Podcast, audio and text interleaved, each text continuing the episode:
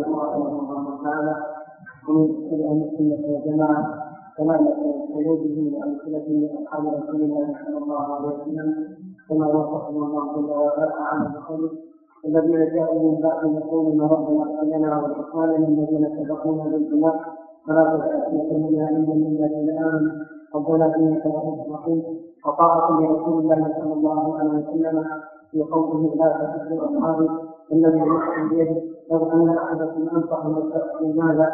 ما بلغ من احدهم ولا نصيبه فيخبرون ما جاء من الكتاب والسنة والاجماع من فضائلهم ومراتبهم ويقدمون ويقولون من انفق من قبل الفتح وقاتل؟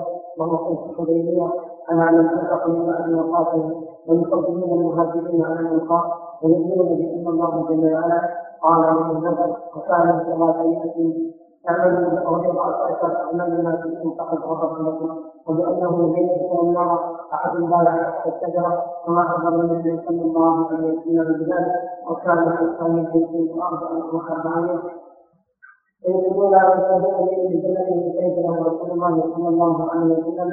كالعشرة وثابت بن حسن بن وغيره من الصحابة رضي الله عنهم أجمعين فيخرجون عما ثبت في النبي عن امير المؤمنين رضي الله عنه امير المؤمنين عليه بقول رضي الله عنه لأن خير هذه الامه بعد نبينا محمد صلى الله عليه وسلم ابو بكر وعمر وعمر يمتلكون باسماء ويمتلكون بعلي كما بين شأن الآثار وكما أجمع الصحابة على تقديم الإيمان بالبيعة بالبيعة مع أن بعض أهل السنة مع ان بعض المسؤولين قد يكون في الاسلام وعلي بعد تقديمه بعد انتقال على تقديم ابي بكر بن عمر بعد تقديمه من بكر بعد انتقال على تقديم ابي بكر بن عمر رضي الله عنهم اجمعين لكن اشتغل الله سنه الجماعه على تقديم الاسلام ثم علي رضي الله عنهم اجمعين بسم الله الرحمن الرحيم. الحمد لله رب العالمين. وصلى الله وسلم على نبينا محمد. قال الشيخ رحمه الله ومن أصول أهل السنة والجماعة سلامة قلوبهم وألسنتهم لأصحاب رسول الله صلى الله عليه وسلم. من أصول أهل السنة أي اصول اعتقادهم اصول العقيدة عندهم جعلوا هذه المسألة من أصول العقيدة. لأهميتها.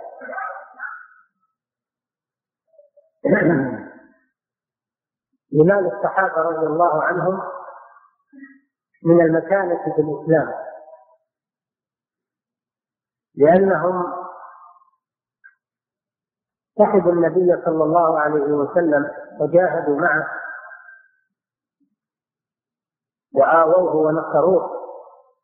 واتبعوا النور الذي أنزل معه.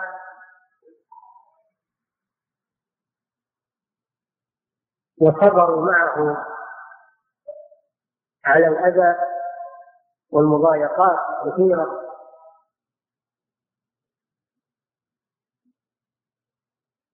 ولأنهم تحملوا هذه الشريعة.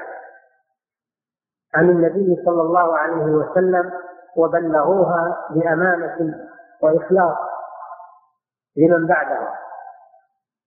فهم الواسطة بيننا وبين رسول الله صلى الله عليه وسلم. حفظوا لنا ما جاء به الرسول صلى الله عليه وسلم من الكتاب والسنة. وبلغوا ذلك للأمة. فالأمة تسير على منهجهم وطريقتهم. ولهم فضائل عظيمة. فهم أفضل قرون هذه الأمة. على الإطلاق لا أحد يصل إلى فضلهم مهما بلغ من العمل والحسنات. فلن يبلغ مبلغ الصحابة رضي الله عنهم.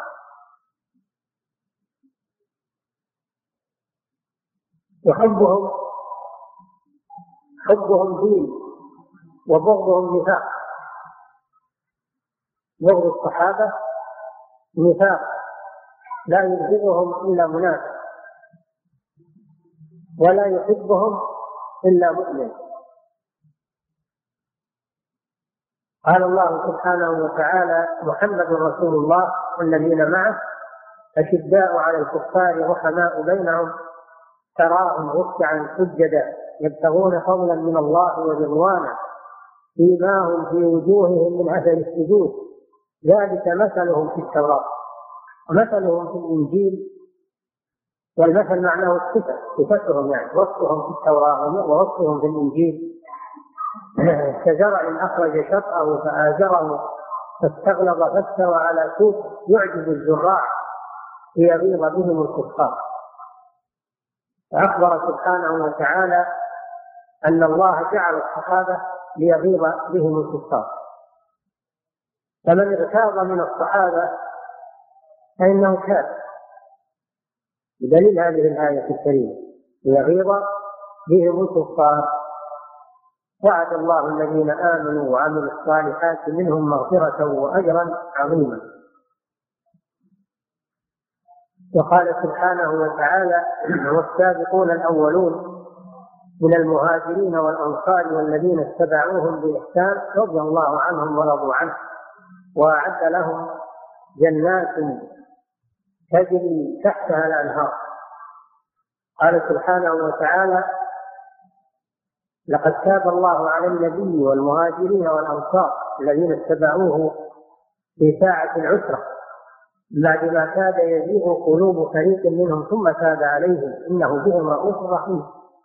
وعلى الثلاثه الذين قلوهم قال سبحانه وتعالى لما ذكر القيد ومصارفه قال للفقراء المهاجرين الذين أخرجوا من ديارهم وأموالهم يبتغون فضلا من الله ورضوانه وينصرون الله ورسوله. أولئك هم الصادقون. ثم ذكر الأنصار فقال والذين تبوأوا الدار والإيمان من قبلهم يحبون من هاجر إليهم ولا يجدون في صدورهم حاجة مما أوتوا ويؤثرون على أنفسهم ولو كان بهم خصاصة ومن يوق شح نفسه فأولئك هم المفلحون. هذه صفة المهاجرين والأنصار رضي الله تعالى عنه ثم ذكر ما يجب على من جاء بعدهم نحوه والذين جاءوا من بعدهم يقولون ربنا اغفر لنا ولإخواننا الذين سبقونا بالإيمان. ولا تجعل في قلوبنا غلا للذين آمنوا. ربنا إنك رؤوف رحيم.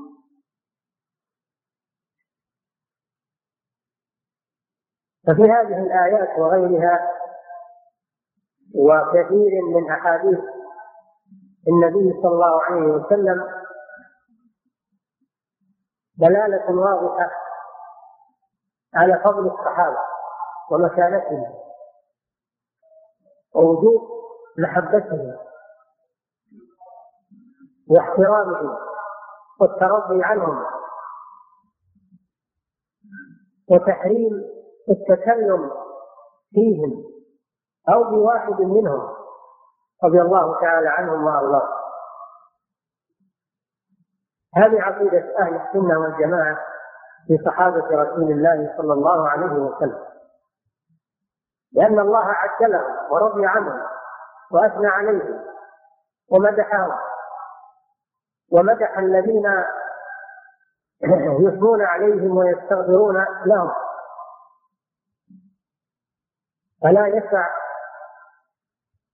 المسلم إلا أن يعترف ويؤمن بحقهم وفضلهم ومكانتهم لأن الله جل وعلا اختارهم اختارهم لصحبة نبيه محمد صلى الله عليه وسلم. والنبي صلى الله عليه وسلم أخبر أنهم خير القرون. قال خيركم قرني ثم الذين يلونهم ثم الذين يلونهم. فهم خير القرون. وأفضل الأمة على الإطلاق. سلامة قلوبهم من البغض والحقد على الصحابة والكراهية. فلا يكون في قلوبهم إلا محبة الصحابة. والثناء عليهم والاعتراف بفضلهم. وسلامة ألسنتهم فلا يتكلمون في الصحابة إلا بالكلام الطيب. يقولون ربنا اغفر لنا ولإخواننا الذين سبقونا بالإيمان. هذا من سلامة ألسنتهم. سلامة قلوبهم ولا تجعل في قلوبنا غلا للذين آمنوا. والغل هو الحقد والبغض والكراهية. فمن وجد في قلبه شيئا من كراهة الصحابة أو بغضهم أو بغض واحد منهم فليعلم أنه منافق. وأنه عدو لله ولرسوله. فعليه أن يبادر بالتوبة أو تكلم في واحد منهم أو خاض في واحد منهم بغير الثناء والترضي فعليه أن يتوب إلى الله عز وجل. فلا يجوز لأي مسلم. أن يكون في قلبه غل لأصحاب الرسول صلى الله عليه وسلم. ولا يتكلم بلسانه. إلا بالمدح والثناء والدعاء والاستغفار لهم هذا في الصحابة. وفي المؤمنين عموما. ربنا اغفر لنا ولإخواننا الذين سبقونا بالإيمان. يعم المؤمنين عموما ولكن الصحابة بالدرجة الأولى لأنهم أفضل المؤمنين وسادة المؤمنين. ولقول النبي صلى الله عليه وسلم لا تسبوا أصحابي فوالذي نفسي بيده لو أنفق أحدكم مثل أحد ذهبا ما بلغ مد أحدهم ولا نصيبا قوله تعالى لا يستوي منكم من أنفق من قبل الفتح وقاتل. أولئك أعظم درجة من الذين أنفقوا من بعد وقاتلوا وكلا وعد الله الحسنى.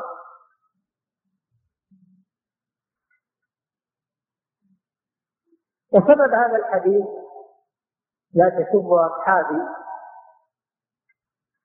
أنه وقع بين خالد بن الوليد رضي الله عنه وعبد الرحمن بن عوف. عبد الرحمن بن عوف من السابقين الأولين. وخالد رضي الله عنه ممن أسلم بعد صلح الحديبية. بعد صلح الحديبية. صحابي جليل ولكن عبد الرحمن بن عوف أفضل منه. فكأن خالدا رضي الله عنه تكلم في حق عبد الرحمن بن عوف بسبب ما حصل بينهم عند النبي صلى الله عليه وسلم. فقال عليه الصلاة والسلام لا تسبوا أصحابي. فوالذي نفسي بيده. هذا قسم منه صلى الله عليه وسلم. لو أنفق أحدكم مثل أحد ذهبا ما بلغ مد أحدهم ولا نصيب إذا كان النبي صلى الله عليه وسلم قال هذا لصحابي جليل وهو خالد بن الوليد. ومن أسلم بعد الفتح يعني بعد صلح الحديبية. لو أنفق أحدكم مثل أحد ذهب ما بلغ. فكيف بغيره؟ وأحد هو الجبل العظيم الذي يقع شمال المدينة. سمي أحدا لأنه متوحد عن غيره من الجبال. منعزل عن غيره من الجبال. وحصلت عنده الوقعة المشهورة في وقعة أحد. وهذا الجبل العظيم لو أن واحدا أنفق ما يعادله من الذهب من الذهب أنفقه في سبيل الله خالصا لله هذا شيء عظيم. مثل مثل أحد ذهب في سبيل الله خالص لوجه الله عز وجل. هذا شيء عظيم. ولكن هذا ما يبلغ ما أنفقه السابقون الأولون من الشيء القليل وهو المد وهو ربع الصاع. ربع الصاع. أو نصيفة وهو نصف نصف الربع وهو الثمن. ثمن ثمن الصاع لو أنفق الصحابة المتأخرون مثل أحد من الذهب ما عدلوا في الفضل ما أنفقه السابقون الأولون. ولو كان قليلا ولو كان ثمن ثمن الصاع وذلك لأن العمل يتفاضل لأسباب. منها الإخلاص الذي يكون في قلب المنفق والإخلاص يتفاوت عند الناس وإن كانوا مؤمنين كلهم لكن الإخلاص يتفاوت فيضاعف الأجر بسبب الإخلاص الذي يكون في قلب العامل. وأيضا يتفاوت العمل بحسب العامل. العامل فإذا كان العامل أفضل كان أجره أعظم فالنفقة ممن هو أفضل تكون أعظم ممن هو دونه. والسابقون الأولون هم أفضل الصحابة.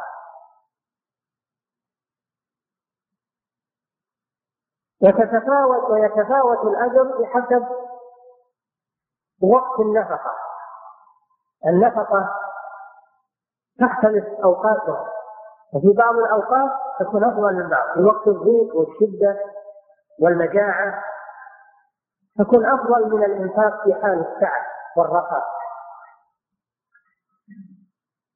الذي ينفق في في حالة الشدة والضيق وقلة ذات اليد قلة ذات اليد هذا يكون أفضل من الذي ينفق من السعة ومن كثرة المال وكثرة الخيرات. لا لا شك إن هذا يكون أفضل والصحابة كذلك. السابقون الأولون أنفقوا في وقت عصيب جدا. أنفقوا في وقت عصيب مع الرسول صلى الله عليه وسلم. في وقت الشدائد. في وقت الشدائد. أنفقوا معه صلى الله عليه وسلم. فنفقتهم وصدقتهم أفضل ممن جاء بعدهم. ولهذا يقول جل وعلا لا يستوي منكم من أنفق من قبل الفتح والمراد بالفتح قلت الحديبية. كما يأتي.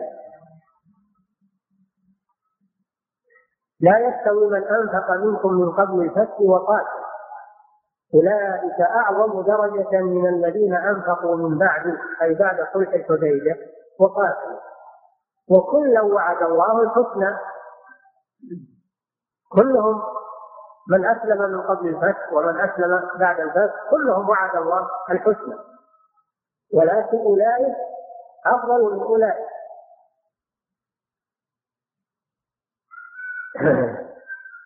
ولأجل هذا صارت نفقة الصحابي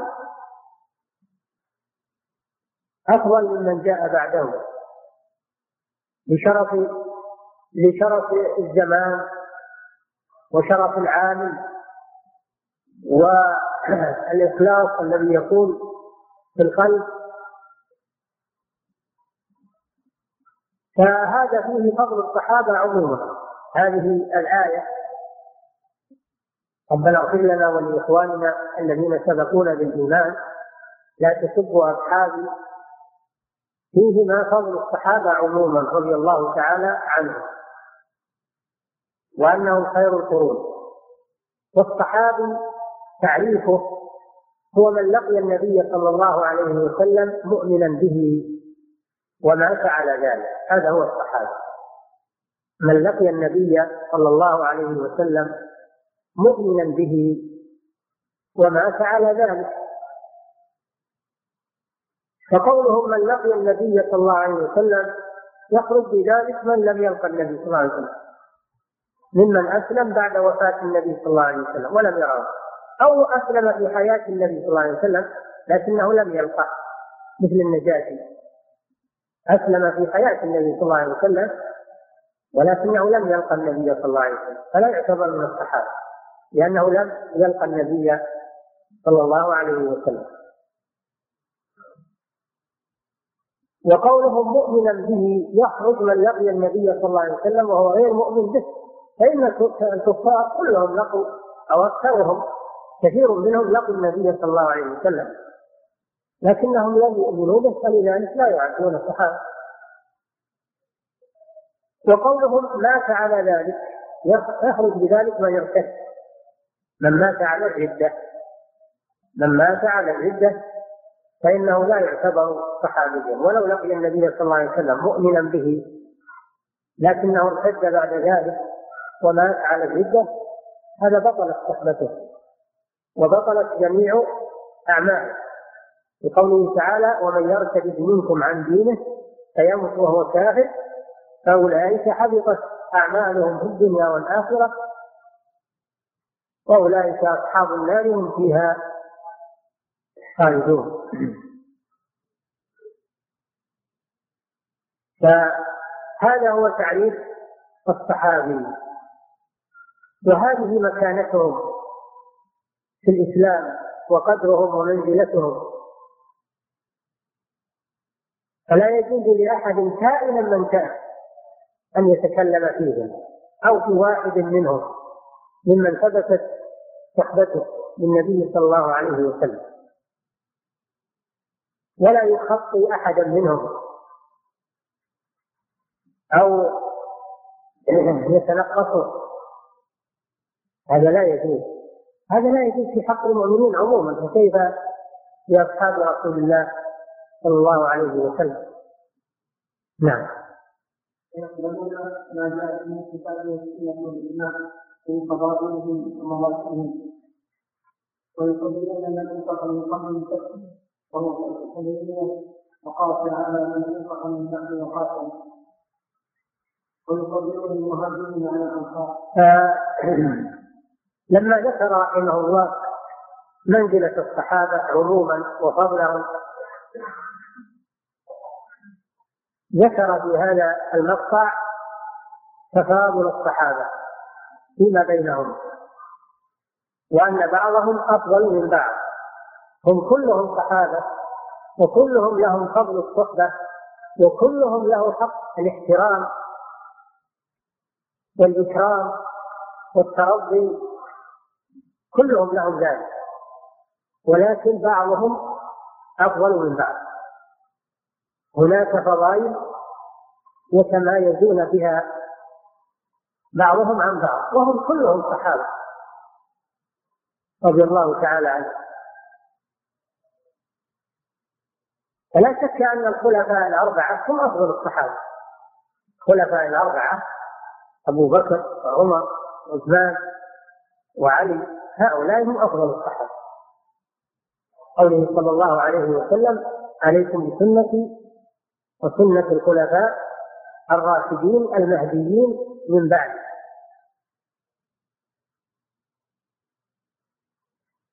ثم من أسلم وقاتل قبل الفتح والمراد بالفتح هنا صلح الحديبية. لا يستوي منكم من أنفق من قبل الفتح وقاتل. أولئك أعظم درجة من الذين أنفقوا من بعد وقاتلوا وكلا وعد الله الحسنى. المراد بالفتح هنا صلح الحديبية. وهو الصلح الذي وقع بين النبي صلى الله عليه وسلم وبين قريش في مكان يسمى بالحديبية. بئر على حدود الحرم من الجهة من الجهة الغربية. من الجهة الغربية. الشمالية تقريبا. غرب شمال شوي وهي الآن حول البوابة التي بنيت عند مدخل الحرم. هناك مكان الحديبية. قدم النبي صلى الله عليه وسلم هو وأصحابه محرمين بالعمرة. محرمين بالعمرة. وبينه وبين قريش حروب ومقاطعة شديدة. فلما علمت قريش بقدوم النبي صلى الله عليه وسلم علمت قريش بقدوم النبي صلى الله عليه وسلم يريد العمرة أخذتهم العزة بالإثم. فأرادوا منع النبي صلى الله عليه وسلم وأصحابه. وتكتلوا ضد النبي صلى الله عليه وسلم وأصحابه. يريدون منعهم من دخول من دخول مكة. ومنعهم من العمر النبي صلى الله عليه وسلم أراد أن يتفاوض معهم وأنه ما جاء لقتال وإنما جاء للعمر فقط. إلا أنهم أصروا فأرسل النبي صلى الله عليه وسلم عثمان ابن عفان رضي الله عنه أرسله إلى أهل مكة ليتفاوض معهم ويبلغهم مقصد الرسول صلى الله عليه وسلم وما جاء من أجله. فأشيع أن عثمان قتل. أشيع أن عثمان رضي الله عنه قتل. فعند ذلك طلب النبي صلى الله عليه وسلم من أصحابه المبايعة. فبايعوه على الموت والقتال. وكانوا ألف وأربعمائة. بايعوه تحت الشجرة. شجرة في الحديبية. على القتال. وعثمان رضي الله عنه أشيع أنه قد قتل فبايع عنه النبي صلى الله عليه وسلم. ضرب بيده الشريفة وقال هذه لعثمان فبايع عنه النبي صلى الله عليه وسلم. هذه من أعظم فضائل عثمان رضي الله تعالى عنه. ثم جاء الخبر أن عثمان لم يقتل بعدما حصلت البيعة. وحصل الفضل لأصحاب رسول الله صلى الله عليه وسلم وثبت لهم الأجر.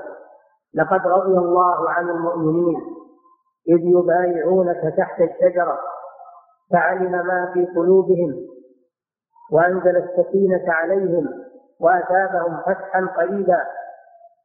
وهو وهو فتح خيبر. فتح خيبر. سماه الله فتحا.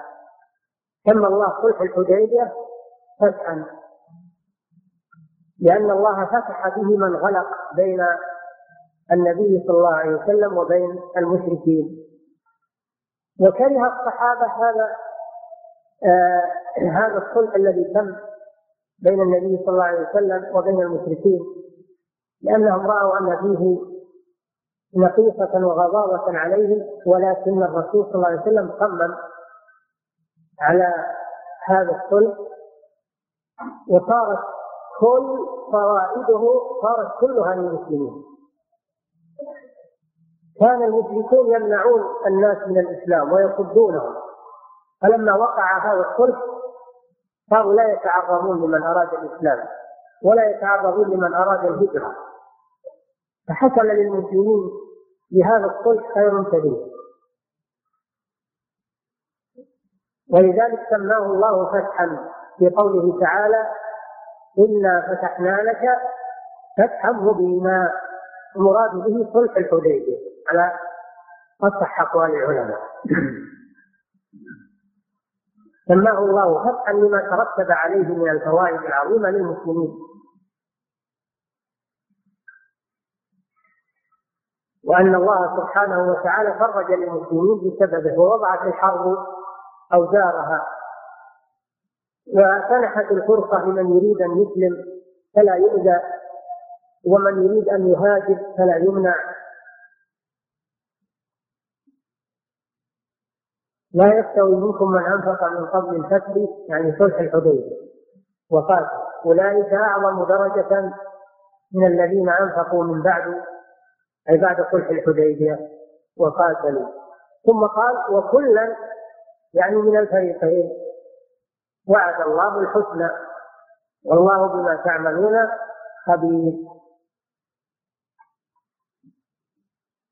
فالصحابة لهم فضائل بعضهم أفضل من بعض. أولا الخلفاء الراشدون هم أفضل الصحابة ثم أهل بدر. أهل بدر يوم الفرقان وكانوا ثلاثمائة وبضعة عشر. وبدر اسم لقرية بين مكة والمدينة على أربع مراحل من المدينة. لا تزال بهذا الاسم إلى اليوم. وقصتها معروفة. حيث بلغ النبي صلى الله عليه وسلم أن عيرا لقريش قادمة من الشام وكان المشركون. قد ضايقوا المسلمين وأخرجوهم من ديارهم وأموالهم فأراد النبي صلى الله عليه وسلم أن يأخذوا هذا العير وهذه التجارة ليتقوى بها المسلمون.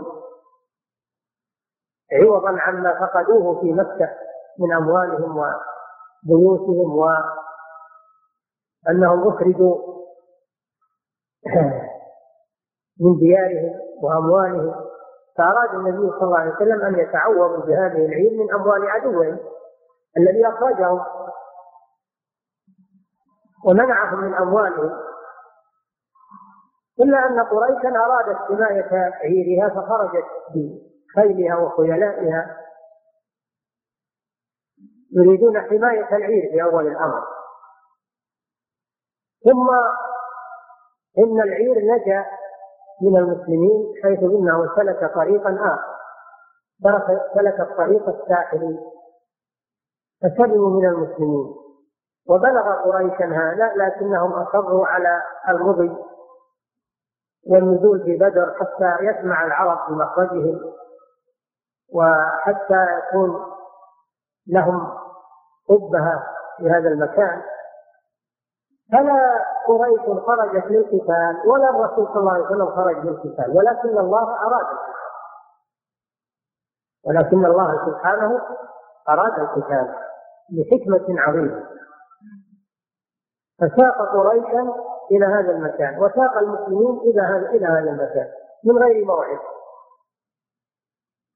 إذا أنتم بالعدوة الدنيا وهم بالعدوة القصوى يعني من وادي بدر والركب أسفل منكم اللي هو العير راح مع الساحل ولو تواعدتم لاختلفتم في الميعاد.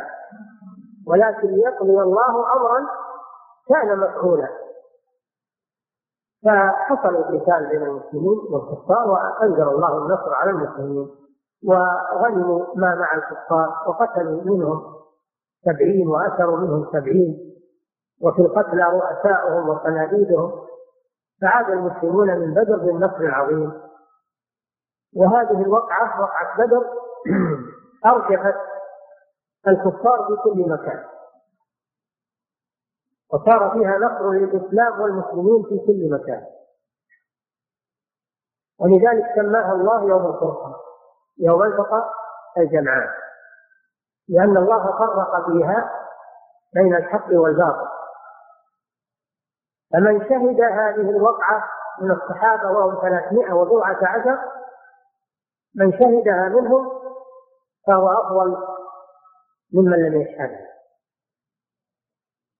فحضور بدر له مزية وكان البدريون لهم ميزة.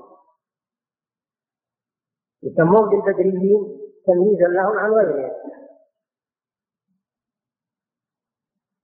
هذه وقعة بدر وهذا فضلها وفضل من حضرها وقد قال النبي صلى الله عليه وسلم إن الله اطلع على أهل بدر. فقال اعملوا ما شئتم فقد غفرت لكم.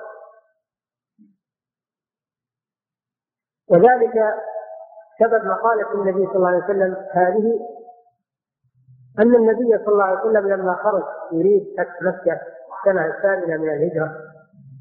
وكان يتكتم الخبر عن قريش إلا أن صحابيا كتب إلى أهل مكة يخبرهم بمخرج النبي صلى الله عليه وسلم إليه هو حافظ ابن أبي بلتعة رضي الله تعالى عنه. كتب إليهم بكتاب يخبره. وهذا لا شك أنه خطأ.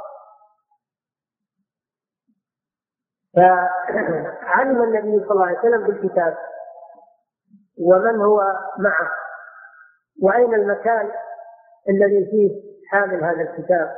جاءه الوحي.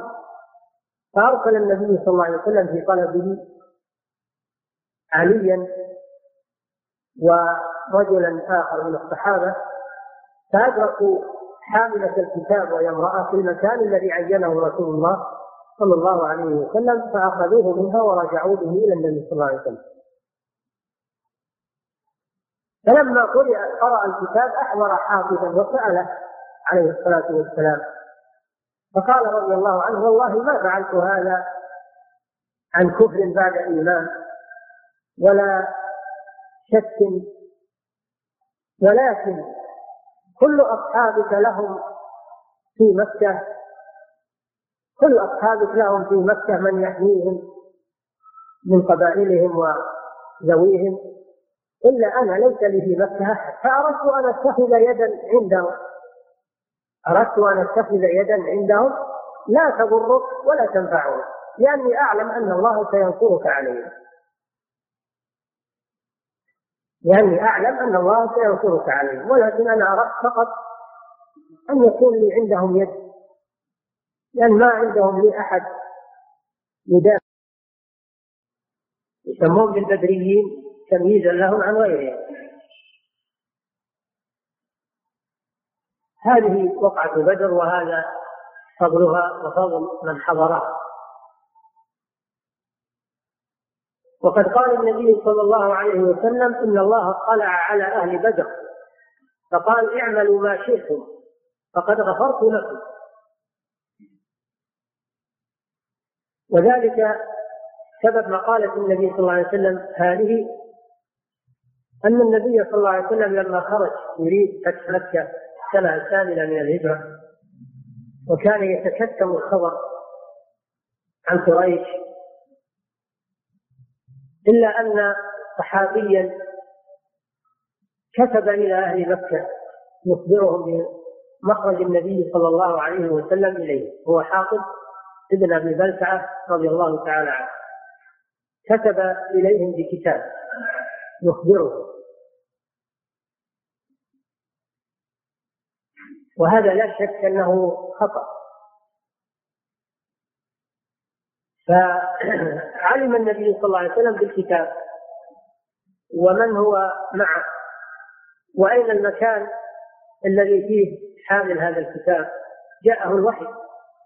فأرسل النبي صلى الله عليه وسلم في طلبه عليا ورجلا آخر من الصحابة فأدركوا حاملة الكتاب وهي امرأة في المكان الذي عينه رسول الله صلى الله عليه وسلم فأخذوه منها ورجعوا به إلى النبي صلى الله عليه وسلم.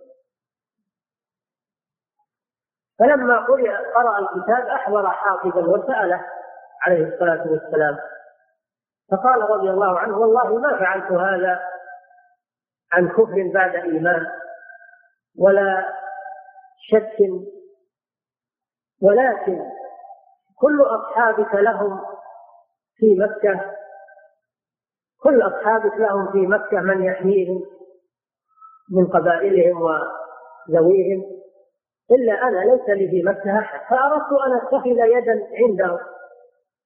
أردت أن أتخذ يدا عندهم لا تضرك ولا تنفعك لأني أعلم أن الله سينصرك عليهم لأني أعلم أن الله سينصرك عليهم ولكن أنا أردت فقط أن يكون لي عندهم يد لأن ما عندهم لي أحد يدافع عني. هذا مقصده رضي الله عنه وهو اجتهاد منه. فقال عمر رضي الله عنه يا رسول الله دعني أضرب عنق هذا المنافق. فقال صلى الله عليه وسلم يا عمر وما يدريك لعل الله اطلع على أهل بدر؟ فقال اعملوا ما شئتم فقد غفرت لكم. وكان حافظ رضي الله عنه ممن شهد بدرا. فعفى عنه النبي صلى الله عليه وسلم بهذه الفضيلة والمنقبة العظيمة. وما حصل من حافظ رضي الله عنه سوءا سوء بعد ذلك. بل هو صحابي جليل حسن الإسلام والسيرة. ما حصل منه أي ريبة أو أي شك. وكان من القوات المجاهدين في سبيل الله رضي الله عنه وأرضاه. ولكن على كل حال هذا خطأ حصل منه رضي الله عنه. بناه على اجتهاد اجتهاد منه. الشاهد منه قوله اعملوا ما شئتم فقد غفرت لكم. ما معنى هذا؟ هل معناه أن هذا السماح لهم بالذنوب والمعاصي؟ لا ليس كذلك. لا يسمح لأحد بالذنوب والمعاصي. ولكن معناه أنه خبر من الله جل وعلا أن من أذنب من أهل بدر في المستقبل فإن الله يوفقه للتوبة. ويوفقه للمغفرة بسبب هذه الفضيلة العظيمة. أن الله يوفق من من حصل منه ذنب فيما بعد أن الله يوفقه للتوبة والاستغفار فتحصل له المغفرة. هذا هو أصح ما قيل في تفسير هذا الحديث. أنه وعد من الله بتسديدهم. وتوفيقهم للتوبة والإنابة بسبب أنهم من أهل بدر. هذه هذه وقعة بدر وهذا فضل من حضرها من المسلمين. فمن حضر بدرا فهذه ميزة له وبيعة الرضوان وقد عرفناها أيضا ميزة. وقد قال الله تعالى فيها لقد رضي الله عن المؤمنين إذ يبايعونك تحت الشجرة فأخبر أنه رضي عنهم كلهم. وكانوا وكانوا ألفا وأربعمائة. رضي عنهم كلهم. وقال النبي صلى الله عليه وسلم لا يدخل النار أحد بايع تحت الشجرة. إلا صاحب الجمل الأورق أو الأحمر. فذهبوا يبحثون عنه فوجدوه رجلا أضل بعيره وذهب يطلبه. قالوا له تعال بايع. النبي صلى الله عليه وسلم قال لا غيرك أعثر على بعيري أحسن من من البيعة. لا نعثر على بعيري أحب إلي من البيعة. فهذا استثني من المغفرة والعياذ بالله. ودخول الجنة. إلا صاحب الجمل الأحمر أو الأورق لا يدخل الجنة أحد بايع تحت الشجرة. فهذه فضيلتان لأهل بيعة الرضوان. أولا أن الله رضي عنهم وهذا في القرآن صريح ثانيا النبي صلى الله عليه وسلم أخبر أنه لا يدخل أحد منهم النار. وهذه منقبة عظيمة وفضيلة عظيمة. أيضا المهاجرون أفضل من الأنصار. المهاجرون أفضل من الأنصار لأن الله سبحانه يذكرهم دائما قبل الأنصار والسابقون الأولون من المهاجرين والأنصار. لقد تاب الله على النبي والمهاجرين والأنصار.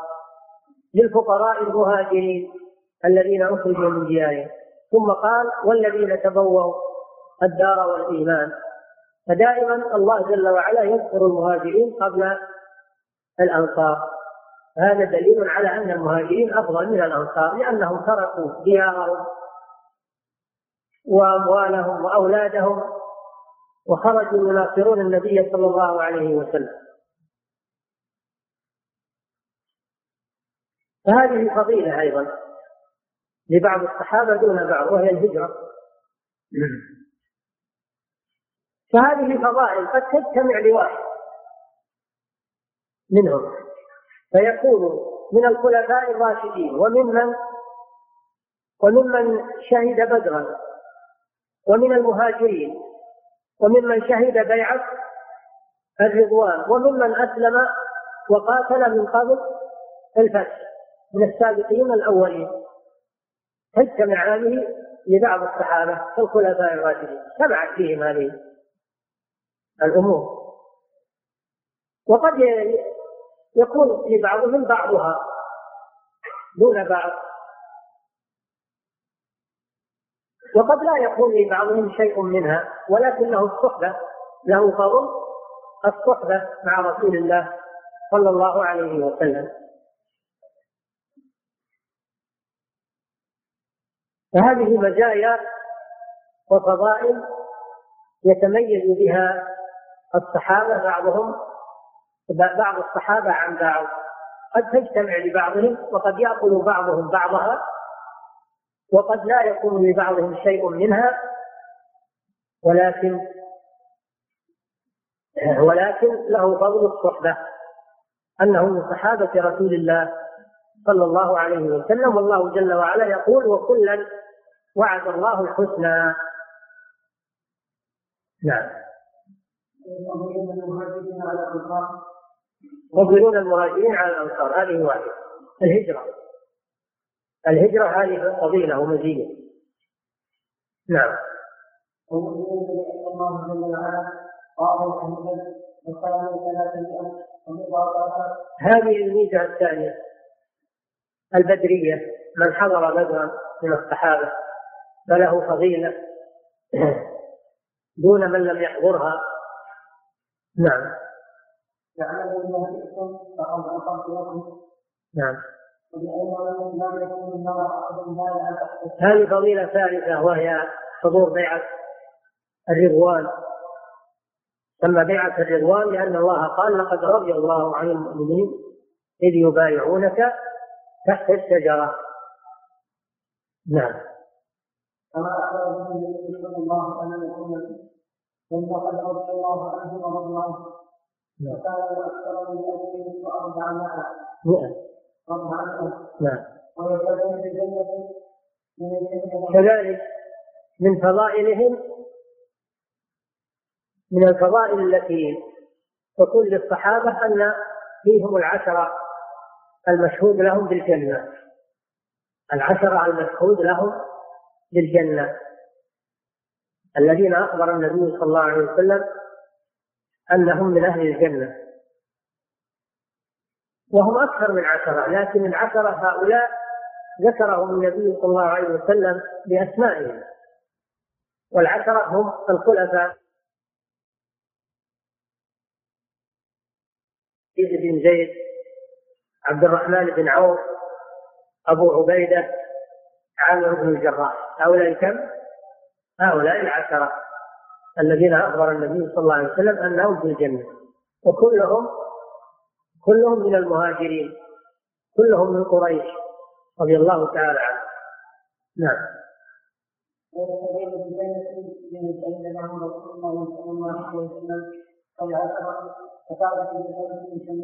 ثابت بن قيس بن شماس. من الأنصار.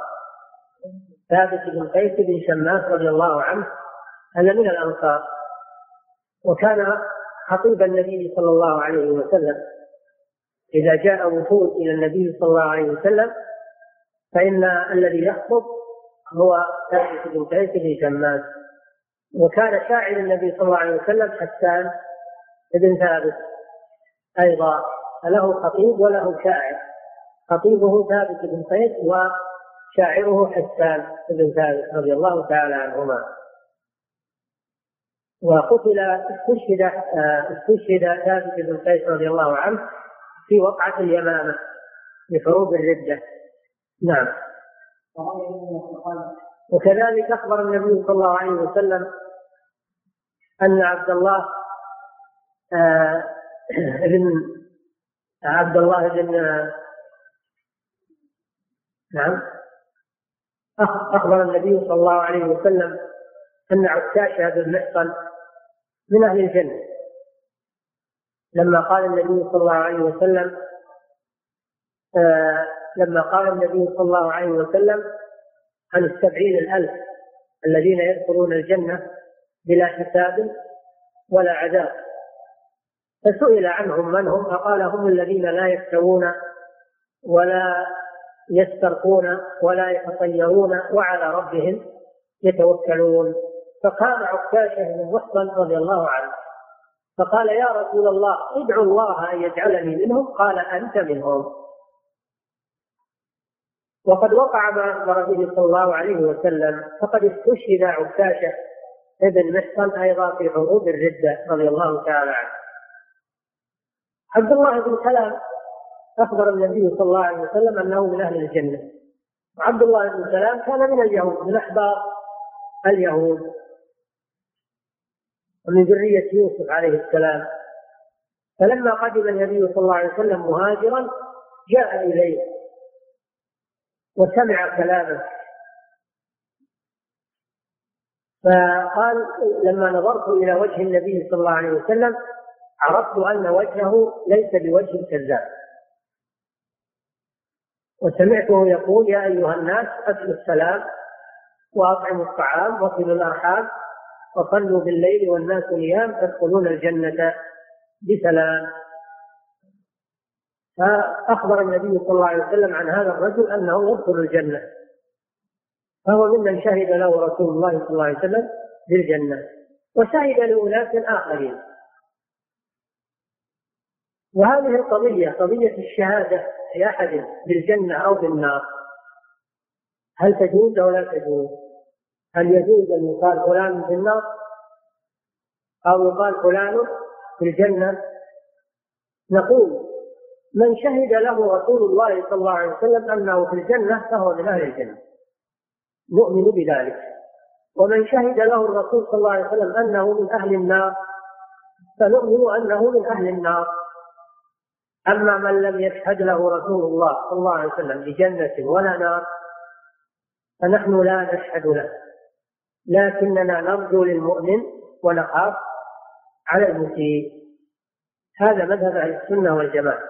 في الشهادة بالجنة أو النار لأحد لا يشهد لأحد بجنة ولا نار إلا بدليل ثابت عن الرسول صلى الله عليه وسلم. لأن هذا من علم الغيب. الذي لا يعلمه إلا الله سبحانه وتعالى. وأما من لم يشهد له الرسول صلى الله عليه وسلم بجنة ولا نار فنحن نتوقف في شأنه. لكننا نرجو للمحسنين ونخاف على المسلمين. ومن حيث الجملة والعموم نشهد أن الكفار في النار من حيث العموم. ولا لا؟ وأن المؤمنين في الجنة هذا من حيث العموم. فنشهد أن المؤمنين في الجنة عموما. ونشهد أن الكفار في النار عموما أما الأعيان والأشخاص فلا ما نشهد لأحد إلا بدليل. نعم. يخرجون بما جرى رضيهم عن أبيه بن علي أبي طالب رضي الله عنه وقوله أن خير هذه الأمة بعد نبيها أبو بكر ثم عمر يثبتون بعثمان يربعون بعلي رضي الله عنهم أجمعين كما دلت عليه الآثار هذه قضية الخلفاء الراشدين أبو بكر وعمر وعثمان وعلي. ما هو القول في خلافتهم وفضلهم رضي الله عنهم؟ أجمع المسلمون على أن الخليفة بعد رسول الله صلى الله عليه وسلم هو أبو بكر وهو أفضل الصحابة على الإطلاق. أبو بكر الصديق ولذلك سمي بالصديق صديق الرسول صلى الله عليه وسلم. ومرتبة الصديقين بعد مرتبة النبيين. قال تعالى إن المصدقين إن المصدقين والمصدقات وأقرضوا الله قرضا حسنا يضاعف لهم ولهم أجر كريم. والذين آمنوا بالله ورسله أولئك هم الصديقون والشهداء عند ربهم لهم أجرهم ونور. وفي الآية الأخرى يقول ومن يطع الله والرسول فأولئك مع الذين أنعم الله عليهم من النبيين والصديقين والشهداء والصالحين وحسن أولئك رفيقا فذكر مراتب المؤمنين عند الله عز وجل. أولهم النبيون ثم الصديقون ثم الشهداء ثم بقية المؤمنين. هذه مراتب المؤمنين عند الله سبحانه وتعالى. فالصديق هو صديق الرسول صلى الله عليه وسلم. والذي جاء بالصدق وصدق به أولئك هم المتقون. لهم ما يشاءون عند ربهم. لهم ما يشاءون عند ربهم. ذلك هو الفضل الكبير. نعم.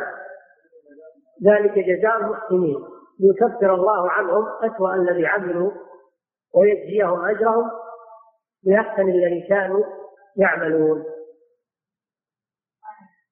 وخلافة أبي بكر رضي الله تعالى عنه ثبتت.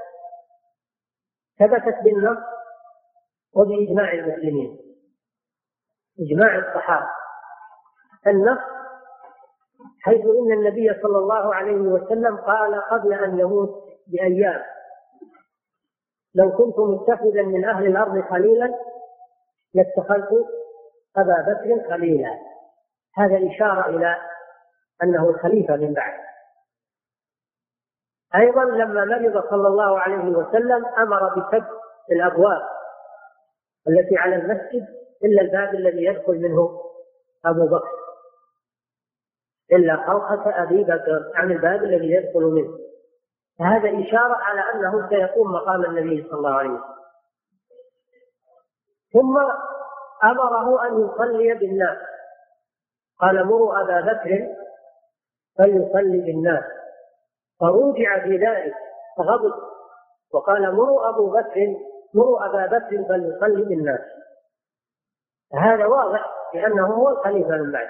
ولذلك قال الصحابة رضي الله عنهم أيرضاك رسول الله صلى الله عليه وسلم لديننا ولا نرضاك لدنيانا؟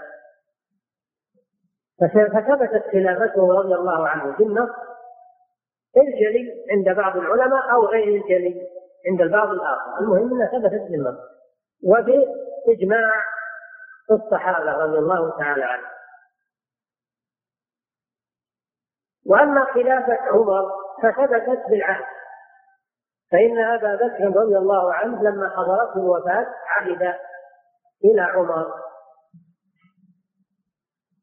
عهد بالخلافة إلى عمر. وإذا عهد ولي الأمر من بعده إلى واحد فإنه يلزم المسلمين قبول ذلك والعمل به. بدليل عهد أبي عمر بدليل عهد عمر إلى بدليل عهد أبي بكر إلى عمر. ولم يخالف بذلك أحد من الصحابة بل سلموا بهذا الأمر وأجمعوا عليه. أيضا عمر هو أفضل الصحابة بعد بعد أبي بكر رضي الله عنه. أما خلافة عثمان رضي الله عنه فثبتت بإجماع أهل الشورى. لأن عمر رضي الله عنه لما حضرته الوفاة أوصى بالأمر إلى ستة من السابقين الأولين. من العشرة المبشرين بالجنة. علي عثمان وعلي وطلحة والزبير وسعد بن أبي وقاص. أوصى إلى هؤلاء بأن يختاروا خليفة للمسلمين. فاختاروا عثمان رضي الله تعالى عنه. فثبتت خلافته بإجماع أهل الشورى الذين عهد إليهم عمر رضي الله تعالى عنهم خلافة علي ثبتت أيضا بإجماع الصحابة حيث بايعه الحاضرون بالمدينة. أهل الحل والعقد بايعوا عليا رضي الله تعالى عنه بالخلافة. فثبتت خلافة الأربعة رضي الله عنهم. هؤلاء هم الخلفاء الراشدون. فمن طعن في خلافة واحد من هؤلاء فإنه أضل من حمار أهله كما يقول الشيخ. أما الفضل انتهينا من قضية الخلافة. قضية الفضل أيهم أفضل بإجماع المسلمين أن أبا بكر هو أفضل الصحابة. ثم يليه عمر رضي الله تعالى عنه. واختلفوا في عثمان وعلي أيهما أفضل؟ فقال بعضهم عثمان أفضل بدليل أن الصحابة قدموا ولا يقدمون إلا من هو أفضل. وقال بعضهم إن عليا أفضل من عثمان لكثرة مناقبه وفضائله رضي الله عنه. والراجح أن عثمان أفضل لاختيار الصحابة له في الخلافة ولا يختارون إلا من هو أفضل. فمسألة التفضيل بين علي وعثمان هذه مسألة خلافية لا يضلل من خالف فيها. من خالف فيها لا يضلل أما من فضل أحدا على أبي بكر أو على عمر فإنه ضال. لأن المسلمين مجمعون على أن أفضل الصحابة أبو بكر ثم عثمان ثم عمر ثم عمر رضي الله عنه. والحديث الصحيح الذي رواه علي بن أبي طالب على منبر الكوفة وأعلنه على الناس وقال أفضل هذه الأمة بعد نبيها أبو بكر ثم عمر. قال هذا رضي الله تعالى عنه على المنبر على رؤوس الناس وأعلن ذلك صريحا. فمن فضل عليا على أبي بكر أو على عمر فهو ضال مضل.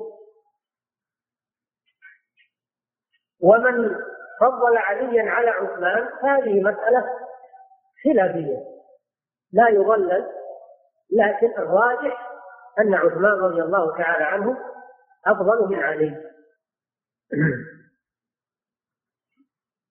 فعندنا مسألتان الآن مسألة الخلافة ومسألة التفضيل. مسألة الخلافة من طعن في خلافة واحد من الأربعة فإنه ضال مضل مخالف لإجماع المسلمين.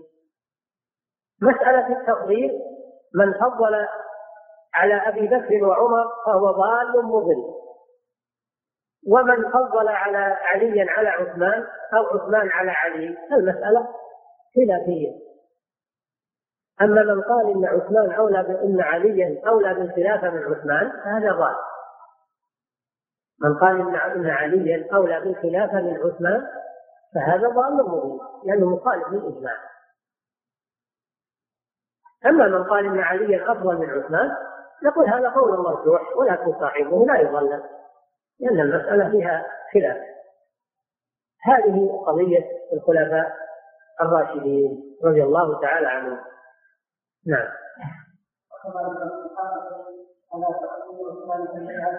مع ان بعض المسلمين كانوا قد اختلفوا في الاسلام وعليه رضي الله عنهما بعد اتفاقهم على تقديم ابي بكر وعمر ايهما افضل فقد تقوم الاسلام فتكلموا ورفعوا عليه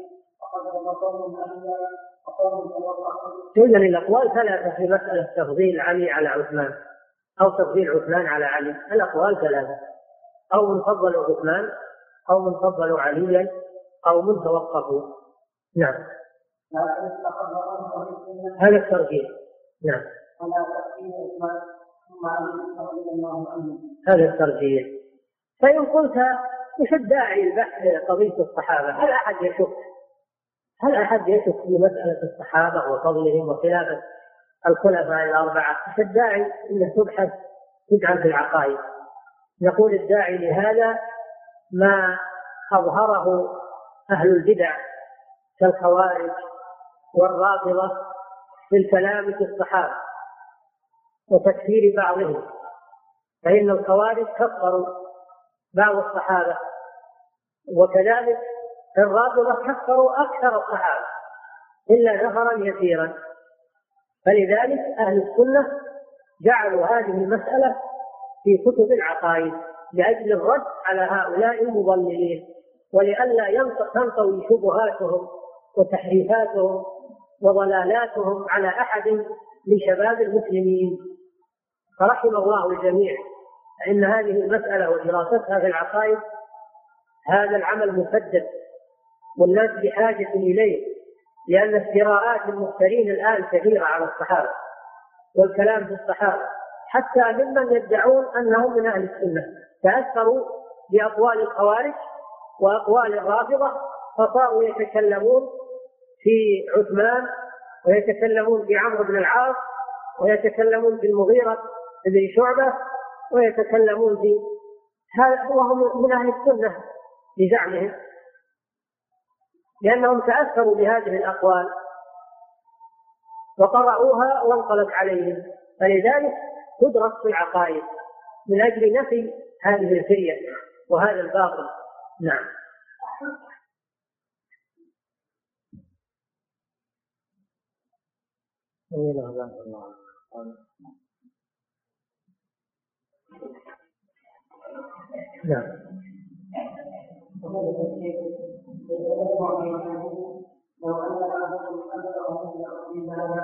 لو ان احد ان يكون هذا يقول عنه العلماء فضيلة العامل في آخر الزمان. هذه فضيلة خاصة جزئية لكن الصحابة عندهم فضائل كثيرة. هذا ما عنده إلا الفضيلة الواحدة وهي أنه يعلم يعمل في حالة الغربة. في حالة الغربة وفي آخر الزمان وقلة الأنصار والأعوان. فهو من هذا الوجه له هذه الفضيلة. لكن هل هذه الفضيلة تعادل فضائل الصحابة في بيعة الرضوان في بدر في فتح مكة هل تعادلها هذه الفضيلة؟ لا. الفضيلة الخاصة لا تقضي على الفضيلة العامة. الصحابة أفضل من حيث العموم. أما هؤلاء فهم أفضل من هذه الخاصية فقط جزئية واحدة فقط. نعم.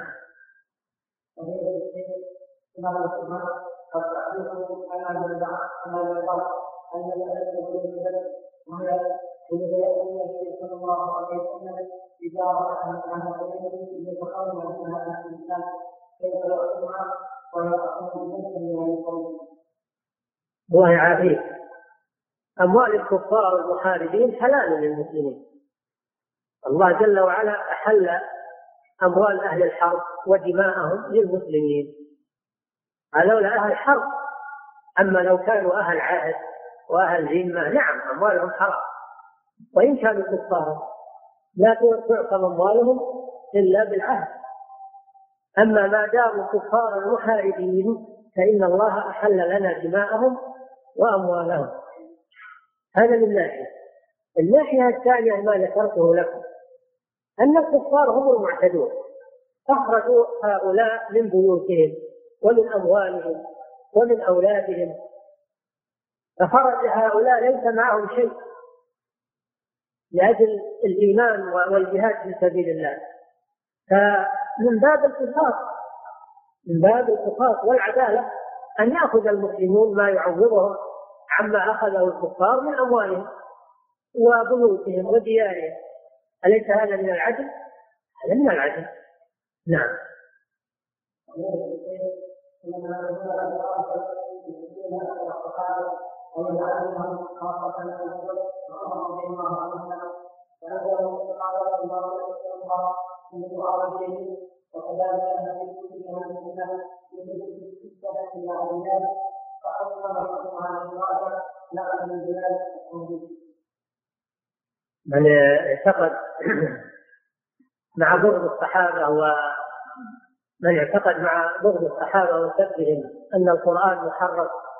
ومبدل ومغير وأن هذا ليس هو القرآن المنزل على محمد صلى الله عليه وسلم بل كثير منه اخفي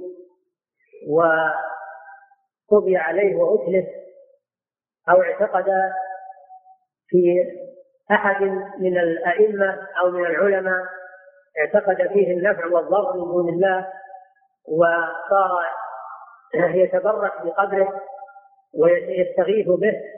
من دون الله عز وجل ويزور الأضرحة ويتقرب إلى الأموات فهذا كافر لا شك في لأنه جمع بين أشياء كثيرة بغض الصحابة وسب الصحابة وتنقص القرآن الكريم والكفر بالسنة الصحيحة وعبادة الأموات والاستغاثة بهم واعتقاد أن أن من الأئمة من يجوز له انه يشرع للناس وأن قوله يقبل أو أن أئمتهم أفضل من أفضل من الملائكة والنبيين قالوا إن لأئمتنا من المنزلة ما لم يبلغها ملك مقرب ولا نبي مرسل.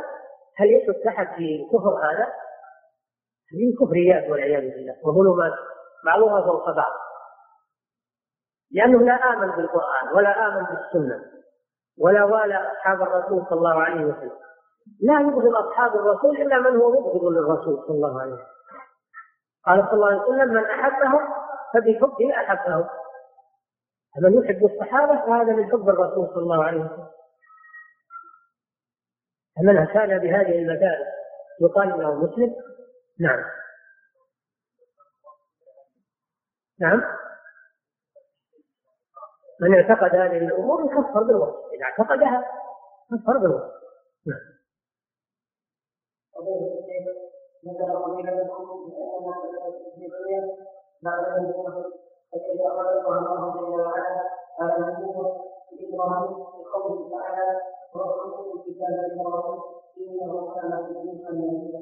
لا لا جمعه الله بشخص واحد صديق ونبي.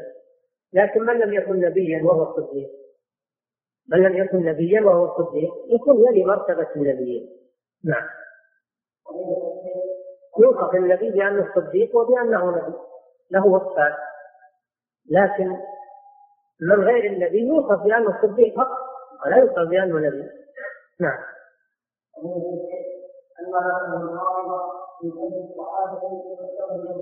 أجبنا عن هذا. نعم.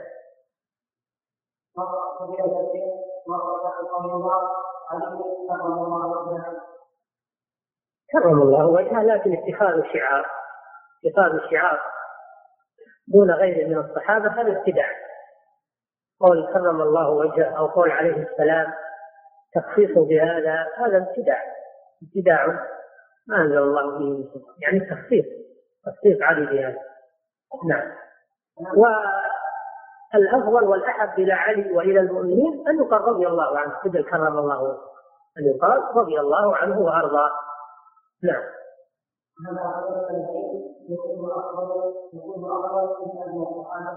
لا لا أحد أفضل من الصحابة مهما بلغ. لا أحد أفضل من الصحابي مهما بلغ.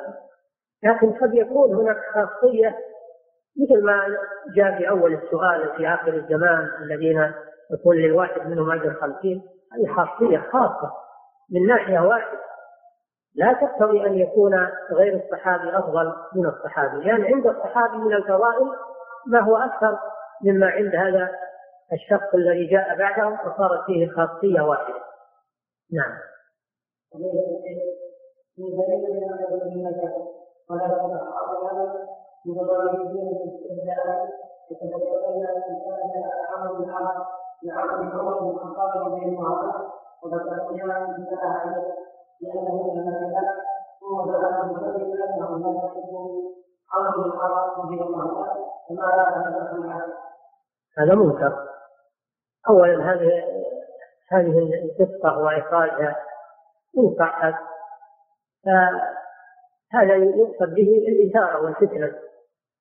يقصد به الإثارة والفتنة وأما بغض عمرو بن العاص رضي الله عنه فهذا نفاق من أبغض صاحبا من صحابة الرسول فهذا نفاق نعم.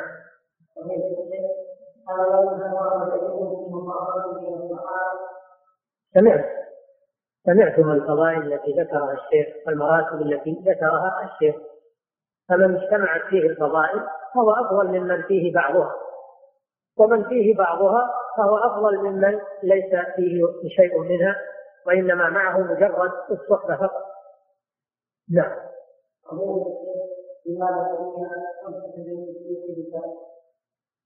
قلنا لأن الله فتح به المغلق بين المسلمين والكفار.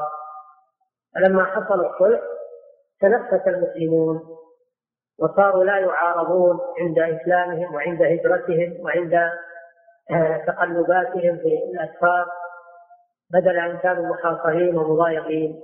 ففرج الله فيها للمسلمين فلذلك صارت فتحا. وجاء بعدها فتح مكة هي تمهيد لفتح مكة. نعم. الله تعالى أعلم.